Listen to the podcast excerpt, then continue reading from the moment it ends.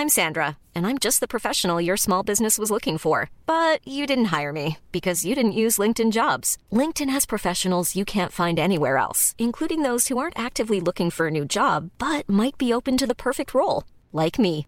In a given month, over 70% of LinkedIn users don't visit other leading job sites. So if you're not looking on LinkedIn, you'll miss out on great candidates like Sandra. Start hiring professionals like a professional. Post your free job on linkedin.com/people today. It's that time of the year. Your vacation is coming up. You can already hear the beach waves, feel the warm breeze, relax, and think about work. You really, really want it all to work out while you're away. Monday.com gives you and the team that peace of mind. When all work is on one platform and everyone's in sync, things just flow wherever you are. Tap the banner to go to Monday.com.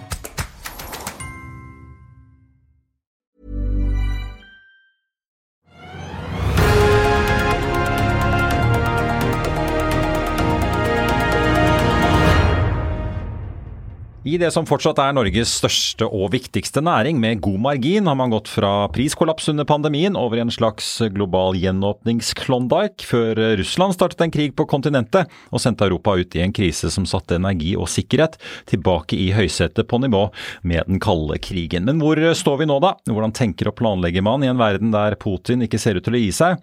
USAs utenriksminister drar til Beijing i et forsøk på å roe spenningene på tvers av Taiwanstredet, og der inflasjonen og renteøkningene ikke ser ut til å være over. Velkommen til oss i Finansavisen og til denne podkasten i Økonominyhetenes sommerserie, der vi snakker med ulike personer som på hver sin måte skal gi oss noe å tygge på i disse sommerukene, der du forhåpentligvis får koblet litt av uansett hvor i verden du måtte befinne deg. I denne episoden skal vi snakke om oljenæringen og høre fra en ganske så interessant aktør som med sin internasjonale kapital i ryggen ofte kommer litt i skyggen av de store aktørene som Equinor, Aker BP og Vår Energi, men som likevel representerer en type aktør som har blitt ganske sentral i puslespillet der ute i havet. Velkommen til oss, Jan Christian Ellefsen, administrerende direktør i Pandion Energy.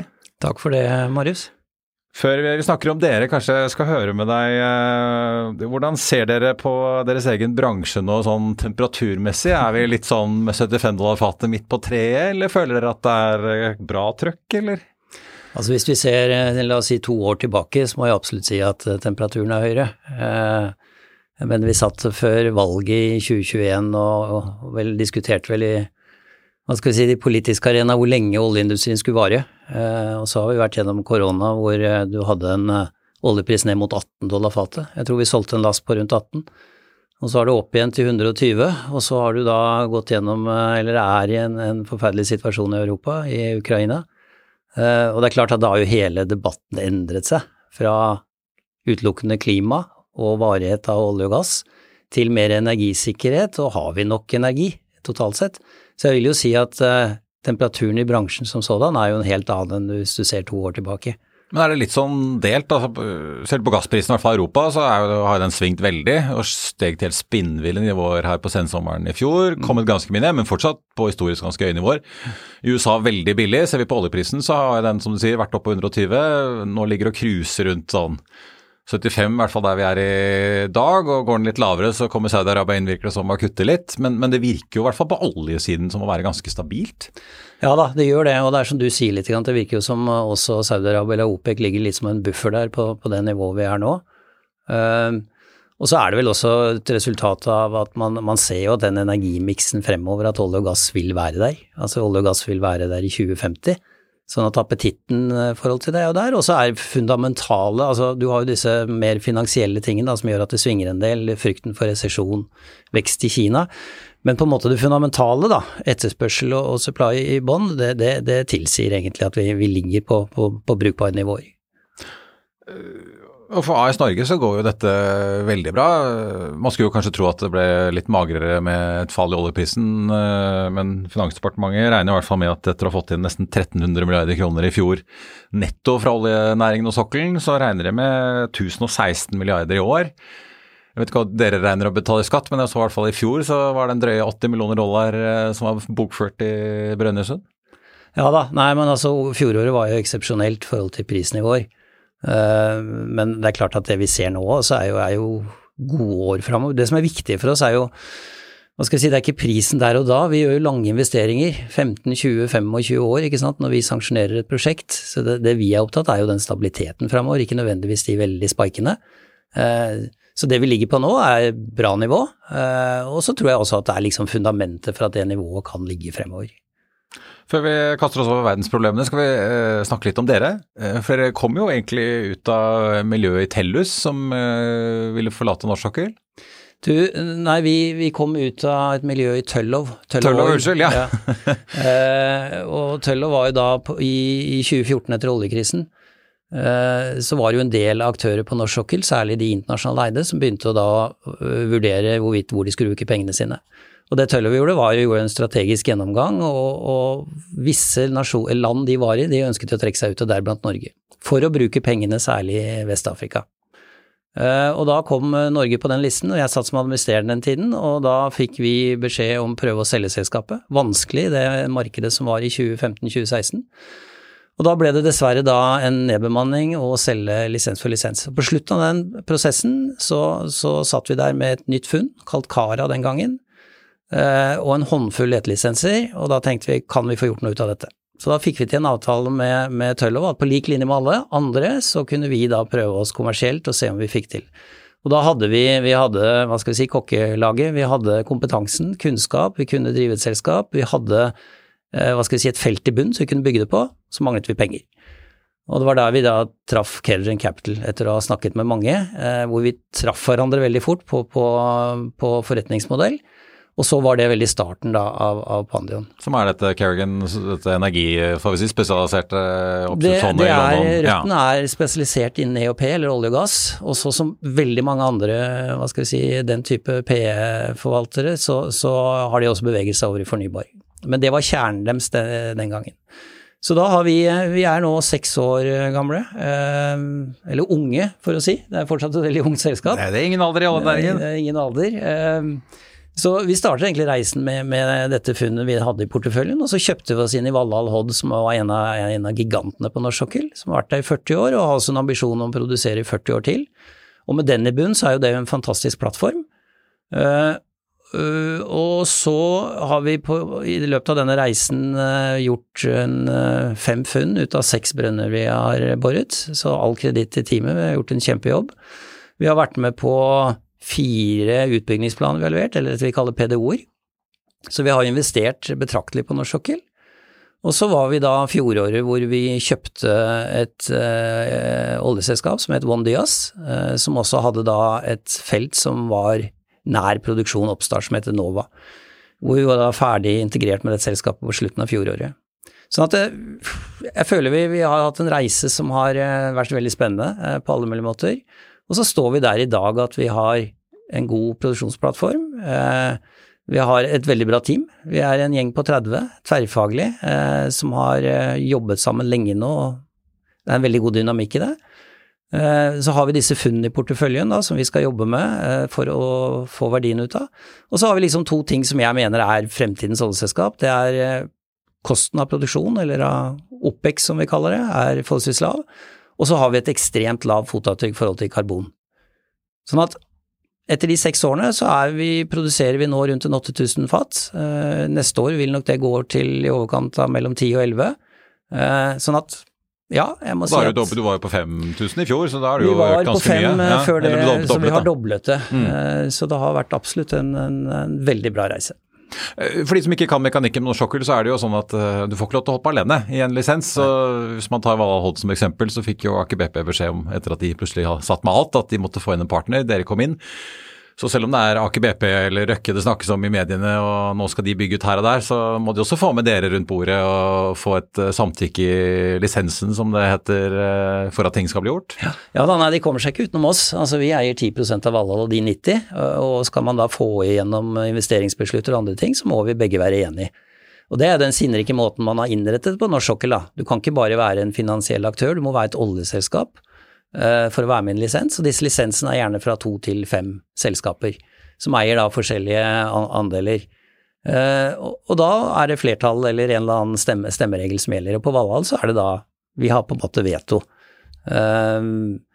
Og det, det, systemet gjør at f.eks. sånn som oss, så er ikke vi operatør enn så lenge. Eh, vi er en partner, eh, men det betyr at vi er et oljeselskap med all den kunnskapen og kompetansen i alle faser som du må ha. Som på en måte myndighetene da prekvalifiserer deg, sier at ok, dere, dere tilfredsstiller til å operere på norsk sokkel. Så dere har i Møtemaker VP så har dere folk som på en måte kan vurdere alle stegene ved en utbygging, ja. en letebrønn, hva enn det skulle være? Ja. ja. Sånn at vi er ikke veldig stor, men 30 stykker er jo fordi vi har alle fagkompetansene om bord, og det vi ikke sitter på spesifikt, har vi jo da knyttet oss til forskjellige miljøer sånn vi kan svare opp det. Det er ikke noe vits å møte i uh, lisenskomitémøter uten at du har den rette fagkompetansen de som fulgte veldig nøye med på oljeskattedebatten tilbake i 2020, så jo litt mekanikken i nettopp disse lisensene. At uh, det er ikke gitt at én løsning passer alle. På Nei. dette famøse Hod-prosjektet som ble løftet frem av Aker som uh, det som ble lagt i skuffen og hentet opp den dagen oljeskattepakken ble vedtatt, så jo at uh, man fikk på plass en del ordninger som gjorde at både dere og Aker, og, altså større og mindre aktører,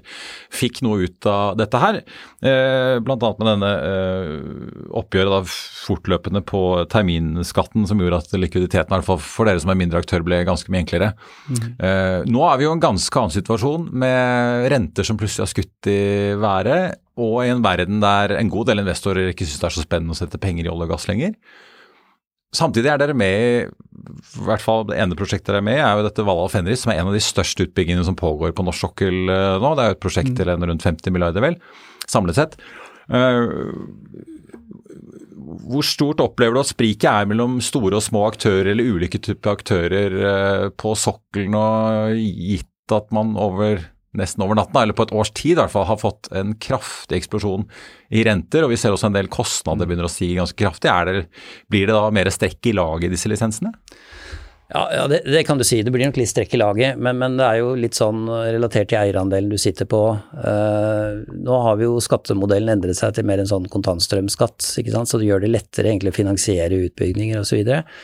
Men sånn som du sier, inflasjon og kosten av kapitalen har jo absolutt øket. Uh, så det er nok en forskjell på store og små, men allikevel, jeg tror det som er viktig for en aktør på norsk sokkel nå, er å ha produksjon. Uh, og der er vi, og det har vi, ikke sant. Eh, og, det hjelper oss godt. Sånn at eh, det som kan være utfordring fremover, er selvfølgelig hva, hva koster det å hente inn den kapitalen, og er den tilgjengelig? Eh, er den virkelig der ute? Det har jo vært litt sånn varierende. Og nå har vi, vi har jo en god støtte både i banker, altså sånn RBL, at vi låner på basis av hva vi har i bakken. Og så har vi obligasjon. Obligasjonsmarkedet er jo på og av. Ja, for dere utstedte jo, Det er jo ikke så lenge siden dere fikk hjelp av bl.a. ABG og Pareto til å hente penger i obligasjonsmarkedet? Nei, vi var ute og hentet uh, i obligasjonsmarkedet i fjor, og så refinansierte vi RBL-en. Og i RBL-en så har vi fem banker som supporterer det. Og så er det også litt varierende med disse bankene, hva de tenker framover. Noen av de store internasjonale har begynt å trekke seg ut av fossil. Så det ligger absolutt en sånn utfordring fremover der. Uh, men, men jeg tror det viktige i forhold til utbyggingsprosjektene og investering og forskjell på stor er, er, liksom situasjonen også i forhold til produksjonsplassen, hvor mye du kan låne opp og, og, hva du har av tilgang til kapital. Og selv om vi, sånn som vi sitter med en eier i et PE-fond, så og veldig mye av den nye kapitalen fra de vil gå mot fornybar, så er det fortsatt en del av disse som investerer i PE-fondet som ønsker direkteinvestering inn i et privatselskap som oss, for de ønsker seg inn i olje og gass. Um, så eh, det er fortsatt kilder til kapital der ute, absolutt. Eh, for de som har fulgt med i våre, så har jo Aker BP annonsert at én uh, av de utbyggingsplanene eller PUD-ene som de sendte inn før jul, ikke blir noe av. Trollhaugen eller Rolfsnes, som de i sin tid var kjent, som Lundin fant like ved Edvard Grieg-feltet. Aker BP visste at volumene etter noen tester var ikke så høye som de hadde håpet på, så det regnet seg ikke hjem, mente de. Men er det mange prosjekter nå som er under press, eller ting som blir skjøvet på pga. at uh, kapitalkostnadene har økt, uh, prisen har økt. Vi ser jo at uh, inflasjonen den biter jo rund baut. Det, det, er ikke sånn at oljenæringen og leverandørindustrien er skjermet.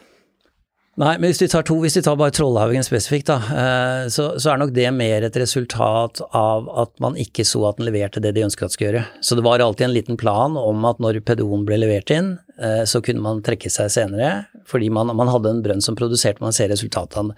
Så det er en sånn utelukkende teknisk altså, vurdering. vurdering. Ja. Så det er en av det. Men, men, det som er nå, er jo at samtlige av de prosjektene nå som egentlig er igangsatt på norsk sokkel, er jo et resultat av eh, 2022-PUD-ene og denne skattepakken, hvor man fikk opp aktivitetsnivået for å holde på en måte, hva skal jeg si, leverandør næringen da, gående gjennom dette her, og da svarte virkelig bransjen opp. Så det er veldig mange prosjekter. Og de ble jo planlagt i en fase hvor det tross alt, du var jo klar over inflasjonen, eh, økende kost på materialer, tilgang til ressurser, tilgang til Leveranseproblemer. Ikke sant. Sånn at ja. mye av det er tatt inn i planene. Og så er det jo veldig forskjell på de eh, prosjektene, hvor store og små de er, og hvor marginale eller ikke de er. Men jeg vil, jeg vil si at veldig mye av den gode planleggingen som er gjort fram til prosjektene, det er der. Men så hva neste, da? De prosjektene som er nå, det er klart det er under trykk. Ja, for dere sitter jo Dere er jo med på bl.a. ConocoPhillips sitt uh, relativt store slaguglefunn, selv om det ikke var like stort som Conoco først håpet på likevel.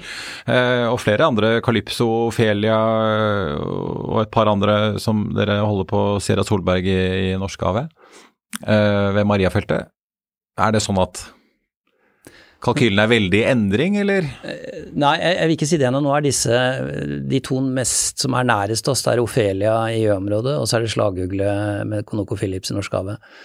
Og der er vi i en sånn avgrensningsfase. Altså vi skal bore nye brønner for å finne ut egentlig hva vi har funnet der nede, eller utstrekningen av det, og litt hvordan reservoarene fungerer. Så der, der, er det mer tilgang til rigg i første omgang, eh, og det har vi på plass. Sånn at Ofelia bores nå i sommer, og slagugle neste vår. Og så vil de ha på en måte en viss tidslinje før en utbyggingsplan vil komme, da, basert på resultatene. Så da er vi litt fram igjen, ikke sant. For det vi ser nå vel, det er jo trykk, i hvert fall på norsk sokkel, fram mot 25-26, og så er det litt bråstopp. Det er ikke så mye etter det? Nei, det er ikke det. Etter at Yggdrasil eller Gamle Noaka kommer i drift? Det det. Da er de store så... prosjektene på hell, og, og, og, så hva da, ikke sant.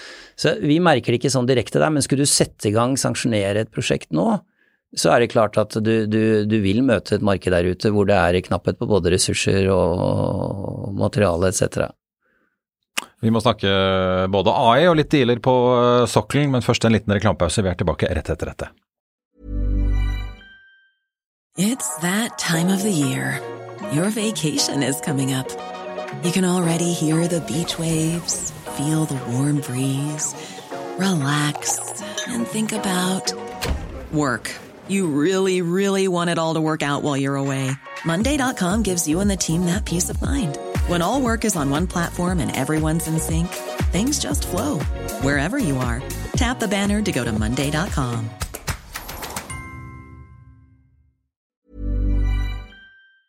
I'll see you in court. Vi sier det ofte litt på spøk, men for deg som driver business, er det aldri moro å innse at du ikke har laget en 100 gyldig kontrakt. Du bør ikke risikere hele firmaet ditt fordi du synes dette med kontrakter er litt stress. En avtale er ikke en avtale. Du kan miste kunder, miste venner, ja, til og med miste inntekter om du ikke lager en skikkelig kontrakt, på alt mulig, egentlig. Men vi vet det er et styr. Kopimaskiner, tregprinter og haugevis av papir. Dessuten stoler vi jo på folk her i landet.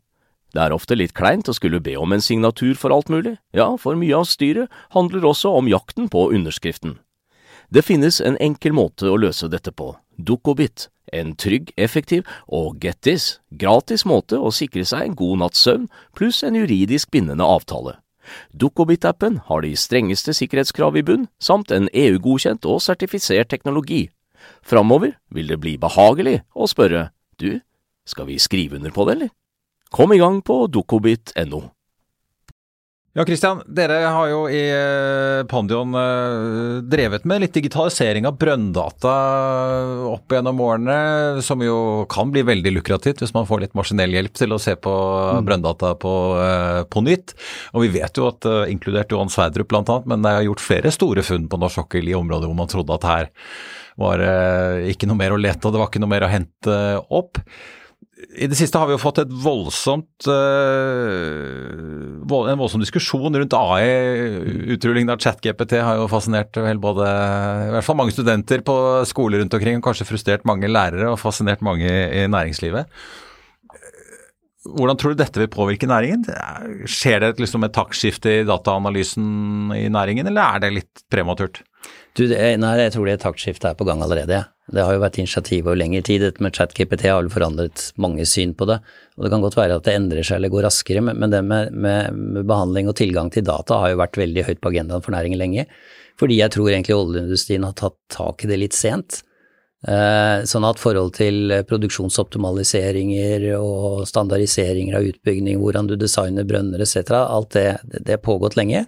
Og det å samle data Fordi data har vært i så veldig mange forskjellige kilder, og ikke strukturert og ikke maskinlesbart, ikke sant. Så der pågår det mye. Og ikke minst Aker BP, som er operatøren vår på Valhall, så skjer det jo veldig mye der.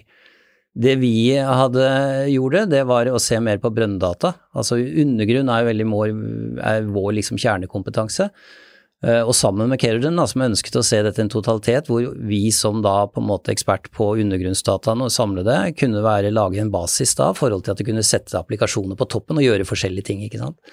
Og investere i andre selskaper. Så dette var før korona, og vi gjorde veldig mye arbeid i forhold til det med, med brønndata. da, Disko CSR-system hvor du kan hente dette. og dette dataen ja, for dette ligger hos Oljedirektoratet? Ja, du må kanskje ned i noe arkivskap og hente opp noen gamle brønnprøver, men likevel. Så dette er alt fra PDF-er til skrevne rapporter til datapunkter og alt. Å få det der rensket da, og satt sammen. Eh, så der, der, jobbet vi en del, og, og fikk til ganske mye. Det som er med undergrunnen, er at det er, det er ganske komplekst, aldri to streker under svaret, men det er, det er, en god hjelp til det.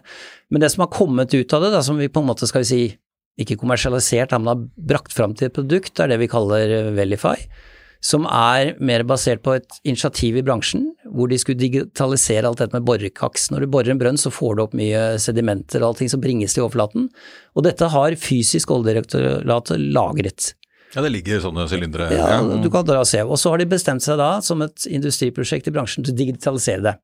Så det vi har gjort, er å på en måte da ta Eh, en måte å visualisere det på, og sette det da nedover i, i brønnbanen for å kunne da hente ut informasjon. ikke sant? Så det er litt som å ta alle familiebildene dine da, og samle dem på en strukturert måte. Og dette har vi gjort sammen med DNO og Conoco Philips, og det, det er et produkt da som er, er eh, i bruk. Sånn at det, det, gjøres mye her og der, eh, og jeg tror eh, altså uavhengig av ChatGPT, og det kan sikkert endre ting. Eh, men, men det gjøres mye altså, innen industrien for å få til dette. Ja, for jeg ser jo Equinors leteavdeling de har jo gjort ganske mange funn rundt uh, troll, i Troll Fram-området de siste par årene. Har kjøpt seg litt opp med en deal med Wellesley. Ja. Men der skryter de at dette er nye analyseverktøy på data de egentlig satt på fra før, og så ja. plutselig har de sett at oh, her kan det være noe, og så har de gjort uh, så De har omtrent truffet, ikke på fem av fem, men det er ikke langt unna på, på, på track recorden deres. Eh, dere har jo en strategi også om å lete mye nær eksisterende infrastruktur. Dere vil jo ikke i lisenser hvor man ikke kan enten elektrifisere eller ha tilgang på fornybar energi. Det begrenser jo, Da skal dere jo ikke langt ut i Barentshavet, for å si det sånn, i hvert fall i første omgang. Eh, men kan da sånne verktøy gjøre at man plutselig kan senke terskelen for hvor store funn må være før det lønner seg å bygge ut? Ja, altså de kan absolutt bidra til det. Jo mer verktøy, jo mer måter du kan sette sammen dette puslespillet og se på det, eh, kan det absolutt være. Og så er det jo hele sånn sokkelen fungerer nå. Alle disse TFO-rundene, disse årlige lisensrundene, er jo på områder som er sett på før. Så det er jo en sånn evolusjon hele tiden, hvor man får mer og mer nye data, mer ny seismikk, måter å se det på, og sette det sammen på. Det er det som foregår.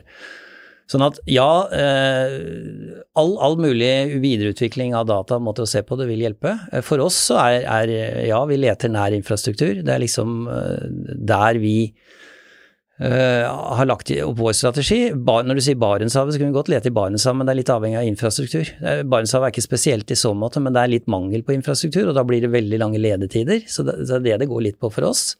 Um, Men du kan jo omtrent bare lette rundt Goliat hvis du skal ha strøm? Jo, det kunne, ja. det, det mm. kunne du gjøre, og, og, det er aktuelt. Uh, sånn at, men det vi har også valgt å gjøre, er å, å fokusere inn letingen på noen kjerneområder. For du, du, skal investere i data, og du skal på en måte bygge deg opp kompetanse, ikke bare på undergrunnen, men også på operatøren, på tilgjengeligheten på, på plattformen du skal ta i det inn til på, på, de kommersielle avtalene, hvordan får vi til dette. Derfor har vi valgt ut områder, og det er særlig rundt Gjøa, og så er det da oppe hva skal jeg si, slaghuggområdet i, i Norskehavet. Sånn at du må liksom prøve å spisse inn denne lete, letestrategien din litt, og det er det vi har gjort. Men apropos, jeg nevnte jo en måte å få nullutslipp i produksjon er jo kabel fra land. Det andre er jo eh, å produsere strømmen selv der ute. Nå har vi sett at uh, subsidiebeløpet som uh, norske politikere trolig må ut med for å få noen vindmøller i sørlig Nordsjø, har økt ganske mye de siste månedene. Equinor har lagt hele Trollvind-prosjektet sitt, som skulle jo gi både Bergensområdet og sokkelen mye kraft, har de lagt i skuffen. Det er for dyrt, og det er ikke teknologisk mulig, mener de. Hvordan vurderer dere mulighetene for å få andre kraftkilder enn bare den sjøkabelen fra land? når dere skal eh, elektrifisere felt? Ja, nå har vi eh, begge våre produserende felt, både Nova og, Valhall, er jo elektrifisert fra land. Så vi, vi har på en måte en Noe si, å trekke på? Ja, vi har jo en veldig god start. Da. Det er derfor vi har et så lavt karbonutslipp som vi har. Uh, og så vil nok, Det er jo selvfølgelig uværende debatt uh, i forhold til dette med elektrifisering. Uh, nå er det ikke mer enn 10 av kraftbehovet som tas offshore, men, og, men, det fortsatt vil være prosjekter som kommer. Så jeg tror fortsatt den strategien vi har, at vi ønsker å lete nær felt hvor det er en Enten at det er elektrifisert, eller at det er mulighet for en eller annen fornybar kilde som genererer kraften i fremtiden. Men kan den, dere som næring klare å løfte det frem, når man ser hva som skjedde med Trollvind og Equinor? Ja, nei, det er et annet spørsmål, og det er jo der som er litt problemet med vind som sådan, da. Det er jo kostnadsperspektivet i det, og hva det koster, og du, du det du, det du, ser jo nå, nå er ikke jeg inne i alle detaljene selvfølgelig, men en ting er kosten av det, og det andre er mm, teknologien, ikke sant, leveranser av det. Jeg installerte et sånt balansert ventilasjonsanlegg hjemme her, og det var greit med alle kabler og generatorer og sånn, men det tok nesten tre kvart år å få levert styringsenheten. Ja. Så det er, det er, liksom sånne ting som, som er det. Og så kan du da spørre er det, er det økonomi i forhold til et selskap som, eller ikke bare oss, men industrien, å løfte det, da. Men det er klart det vil komme, og det vil ses på. Uh, og så føyre seg inn i den inflasjonen og, og, tilgang på ressurser og alt man har nå. Uh, så jeg tror det, den virkelige driveren skal du få til å nå klimamålene vil i nær fremtid, i hvert fall fram mot 2030, være elektrifisering fra land. Ja, det, men det kan jo da legge bånd på utbygging hvis man ikke får ja fra myndighetene, hvis man søker? Ja, ja. absolutt. Absolutt. Uh, uh, men det er, det er, denne vanskelige paradokset, da. Klimamål. Uh, vi vil jo ikke elektrifisere sokkelen bare for å gjøre det det er, det er, for å nå disse klimamålene og for å kunne være på en måte konkurransedyktig med den produksjonen vi har. Så politikerne får takke seg selv for å ha satt det. Eh, jeg vil høre litt, gitt at dere har da utenlandske eiere, selv om eh, dere selv også blant de ansatte eier en del aksjer, så er det jo utenlandsk kapital som er den store aksjonæren i selskapet de er jo i gang med En ting er jo olje og gass, men de er jo i gang med mye fornybare uh, investeringer i Kerrigan, uh, både på tvers av Europa og Asia og så vidt og også vet Nord-Amerika, i alt fra batterier og hydrogen og mobilitet og energi. Hvordan ser de egentlig på Norge nå, da? Dere fikk jo slengt i næringen endringer i oljeskattepakken litt på tampen i budsjettet her i mm. fjor. Regjeringen eh, forhandlet vekk en konsesjonsrunde med SV. Uh, og så har vi jo sett selvfølgelig lakseskattedebatten, selv om den ikke påvirker dere. Så har jeg hørt fra andre i oljenæringen at de fikk noen telefoner fra New York og London etter at lakseskatten plutselig kom på bordet og lurte på om oljenæringen var neste. Ja. Hvordan, hvordan, ses norsk sokkel på fra London om dagen? Altså, jeg, det, Norsk sokkel er fortsatt attraktiv. Jeg tror det er tre ting de, de, ser på når de kommer inn. Det ene er jo ressursen, altså oljen i bakken. Er det muligheter der? Og der er det absolutt mulighet på norsk sokkel. Uh, 50% er produsert, og det er vel eh, mer enn 25 som ikke er funnet. Og så er det nummer to som er det viktigste, er stabilitet i rammevilkårene. Vi kan godt ta risiko på forståelsen av undergrunnen eller utbyggingsprosjekter, men, men rammevilkårene må være det. Det er jo det som har gjort Norge attraktivt. Og så siste elementet er jo ESG-perspektivet, hvor vi er, norsk sokkel er i verdensklasse. Så den to, da, den med stabilitet, det er jo det, er det vi diskuterer mye. Og det er klart du endret skattepakken ja, rett før en innlevering av pudder på slutten av året for mye var det totalt, 250 milliarder. Og da tenker du 15-20-30 år fremover, og så plutselig gjør du en twist. Og for de store, mer robuste prosjektene, sånn som Valhall Fenris, for vår del, eh, så kan vi fortsatt leve med det, men for de mindre marginale så vil jo det påvirke. Så det, det, det er klart det blir en debatt her, og det andre er jo det som skjer på andre deler som lakseskatt og kraft osv. Det er klart det er en smitteeffekt. Eh, så vi må nok inderlig være klar over at skal vi ha tilgang til den kapitalen, så må Norge som en liten nasjon, de kan utmerket gå andre steder med pengene sine, så er vi avhengig av den stabiliteten. Eh, og det er viktig. Eh, du ser hva som skjer i UK. Der har de jo gjentatte ganger endret det veldig mye, og vi ser jo nå mer interesse fra både industrielle og finansielle spillere på UK og ser på Norge, rett og slett på det som har skjedd der. Eh, så vi må, vi må, passe på at vi har den, hva skal jeg si, stabiliteten og de rammevilkårene vi har vært flinke til da, over alle år. Litt oppi dette, da. En ting er jo selvfølgelig å gjøre funn, det er jo alltid hyggelig på egen hånd. Men dere gjør jo også noen uh, dealer. Kjøper opp, uh, selger dere ned. Det er det mange andre som også gjør, virker som om dagen. Hvordan ser egentlig transaksjonsmarkedet ut uh, nå? Vi var litt inne på det at kapitalkostnader, renter, har jo gjort at kalkylen har vel endret seg ganske mye for flere aktører. Men er det vel likevel nå såpass har støvet lagt seg litt så folk tør å gjøre deal likevel? Ja, jeg tror, nok, jeg tror nok man tør å gjøre dealer, for du kan alltids få inn strukturer som kan liksom fange opp dette med litt økning i oljepriser og sånn. Det kan du alltids gjøre. Men jeg ser 23 har vært uh, litt stille, egentlig. Altså år i år, ja. Ja, i forhold til nivået, hvis du ser i summer og sånn, så er det nok det. Det har vært noen transaksjoner, ja. Men det er, det er nok flere elementer i det. ene er du ser vel også, du ser jo de store, både BP og Shell nå har endret, ikke sant. De har på en måte trukket seg litt tilbake til å ikke ta ned produksjonsnivåer. Men BP skal produsere olje likevel? Ja, de skal det. Og Shell kommer med noe tilsvarende, ikke sant. Hvor de skal holde i hvert fall produksjonen stabil. Så skal du holde produksjonen stabil, betyr det at du skal investere ganske kraftig, for ellers bare faller den. Um, sånn at, Og så tror jeg også det har det som har skjedd, er at noen av de internasjonale andre som var på vei over, liksom ønsket seg ut, kanskje pga. skiftet til grønt, de, de, har stoppet dette litt opp. Eh, det ser. Og så tjener jo Altså, det er jo en eh, god eh, kapitaltilgang fra disse produserende feltene, du trenger kanskje ikke å selge. Så da liksom sitter du med sånne litt strategiske endringer, da, eller du ønsker å optimalisere porteføljen og Sånn at det, det skjer fortsatt, det er fortsatt mulighet på norsk sokkel. Det har vært litt stille i 23, men noe gjøres. Sånn at jeg, fortsatt så er det, er det, et oppegående transaksjonsmiljø, eller hva skal vi si, en, en verden da, på, på, norsk sokkel, og det vil komme ting.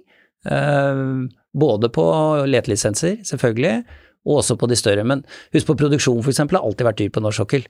Mm. Eh, det har aldri vært lett å kjøpe det billig, da, da må du betale. Så det, du må gjerne finne litt vinkling hvor det er litt sånn vinn-vinn for begge aktører, da. Men hvordan er konkurransen for en aktør som dere, da? Vi har jo sett eh, ja, Suncor har jo solgt seg ut til Sval i Norge, Equinor kjøpte eierandelen deres på britisk sokkel. Okea klarte å snappe opp noen eierandeler i Statfjord.